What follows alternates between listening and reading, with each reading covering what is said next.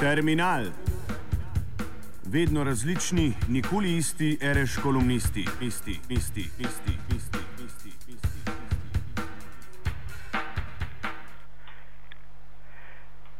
Posebni poročevalec OZN za vprašanje svobode izražanja Frank LaRue je nedavno opozoril Veliko Britanijo na njen odziv na razkritje množičnega prisluškovanja strani Edwarda Snowdena in novinarjev, ki razpolagajo z njegovimi informacijami, ter da to ravnanje škoduje ugledu britanske svobode izražanja in svobode raziskovalnega novinarstva.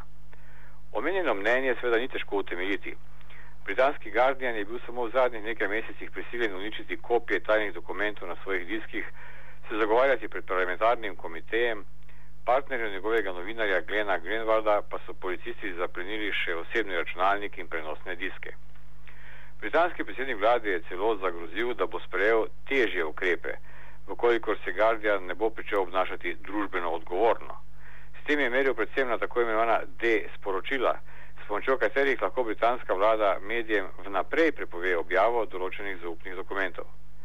Zaradi takšne prakse je bila Velika Britanija že večkrat celo obsojena pred Evropskim sodiščem za človekove pravice, vendar se vlada očitno na to povsem požvižga.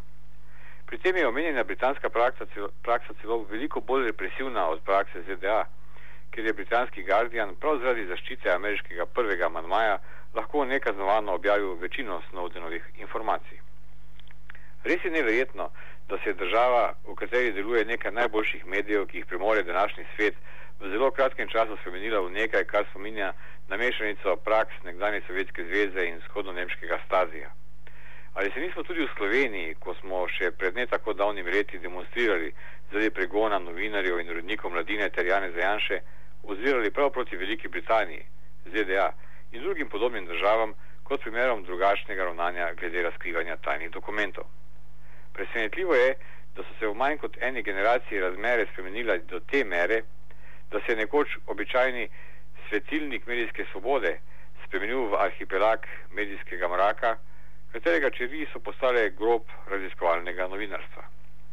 Bil sem popolnoma šokiran nad tem, kako se je ravnalo z Guardianom, od ideje sodnega pregona do dejstva, da so objavo nekateri člani parlamenta označili celo za izdajo. Mislim, da je to nespremljivo v demokratični družbi, je v zvezi s tem dejal Laru. Posebni poročevalec OZN je povdaril, da izgovori o zaščiti nacionalne varnosti ne morejo biti argument zoper medije, ki objavljajo informacije, ki so v javnem interesu, pa čeprav so takšna razkritja neprijetna za politike na oblasti. Zveni znano?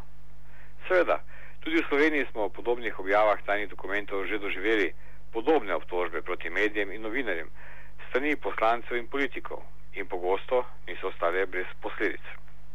Britanski primeri zato zelo resno opozorilo vsem novinarjem in medijem po svetu.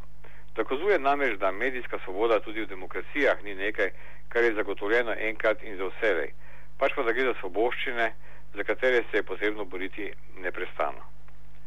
V zadju vseh sporov, ki so jih sprožila razkritja Edwarda Snowdna, se namreč v resnici skriva spopad med dvema nasprotnima taboroma. Eni strani so hekeri, računalniški navdušenci, svobodni novinari, člani piratskih strank, akademiki in drugi zagovorniki svobode informiranja, ki so pripričani, da informacije o nečednostih oblastnikov pripadajo javnosti, na drugi strani pa pisana druščina državnih uradnikov, policistov, državotvornih novinarjev in urednikov, ki v vsaki informaciji vidijo ali svojo lastnino ali pa samo svojo ekskluzivno zgodbo oziroma sredstvo za oplemenitenje svojih denarnic. V zadju njihovega zgrešenega ravnanja je predvsem napačno razumevanje pomena informacij. Harold Evans, nekdani urednik Timesa, je nekoč lepo pojasnil, da je prav prepričanje, da je informacija lastnina nekoga, ne pa javna dobrina, krivo za to, da ima Velika Britanija polsvoboden tisk, pri čemer vladajoča elita v tem ne vidi ničesar slabega. Ta razlika med ameriškim in evropskim dojemanjem svobode medijev in lastništva nad informacijami je po svoje kriva tudi zato, da imajo oblasti v ZDA v svojem boju proti Julianu Assangeu in Edwardu Snowdenu precej omejene možnosti. V evropskih državah je namreč pomen lastništva informacij veliko pomembnejši kot ZDA, ker imajo novinari večjo vlogo, njihove pravice pa so zaščitene tudi s prvim amandmajem. Vendar tudi v Sloveniji nismo daleč od tega, da prostovoljno ugasnemo naš medijski svetilnik svobode. Sloveniji državni uradniki in tudi mediji še zmeraj zelo radi sprožajo pregone zaradi kršitev pravic, za katere so prepričani, da jim pripadajo zaradi lastništva nad določeno informacijo ali dokumentov. Z novelo slovenskega kazenskega zakonika leta 1999 je bila tudi v Sloveniji izredno določena nekaznivost izdaj ilegalnih, uradnih in vojaških tajnosti, ki se storijo s posredovanjem. Vendar je to določilo omejeno s pomembnim pristavkom, če to za državo nima škodljivih posledic. Pravniki temu pravijo relativna nekaznivost ilegalne tajnosti. Da v slovenski zakonodaji nekaznivost pri razkrivanju ilegalnih tajnosti ni bolj natančno določena, je seveda problem. Zelo težko si je namreč zamisliti razkrivanje ilegalne državne tajnosti, ki ne bi imela škodljivih posledic za državo. Veliko bolje bi bilo, če bi imelo sodišče možnost tehtati ogroženi državni interes oziroma varnost države na eni in pravico javnosti do obveščanja na drugi strani. Vendar Slovenija takšne ureditve ne pozna. Isto velja za vprašanje zaščite žvižgačev ter zaščite virov. V Sloveniji ni ureditve, ki bi omogočala, da sodišče v posebnem ločenem postopku tehta dopustnost posega v novinarjevo pravico do zaščite virov. V Sloveniji ni jasno, ali je novinar res oseba, ki je po 236. členu ZKP lahko oproščena pričanja. Vse to kaže, da se zadnja slovenska zakonodaja glede izdaje vojaške ali uradne skrivnosti in izdaje virov pravzaprav sploh ni veliko boljša od 129. člena KZ SFRJ, ki je določal, da se tisti, ki nepoklicani ali osebi brez pooblastila sporoči ali izroči podatke ali dokumente, ki pomenijo državno tajnost ali ji omogočijo, da pride do njih, kaznuje z zaporom od enega do deset let.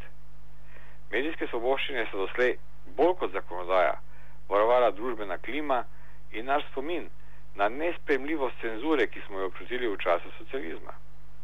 Vendar se boljše zakonodaje, brez boljše zakonodaje to lahko, kot kaže primer Velike Britanije, lahko že zelo malo spremeni.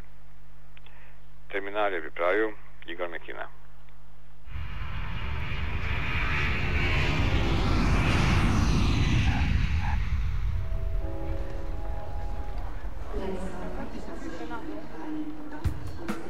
Terminal. Vedno različni, nikoli isti, reš kolumnisti, isti, isti, isti, isti.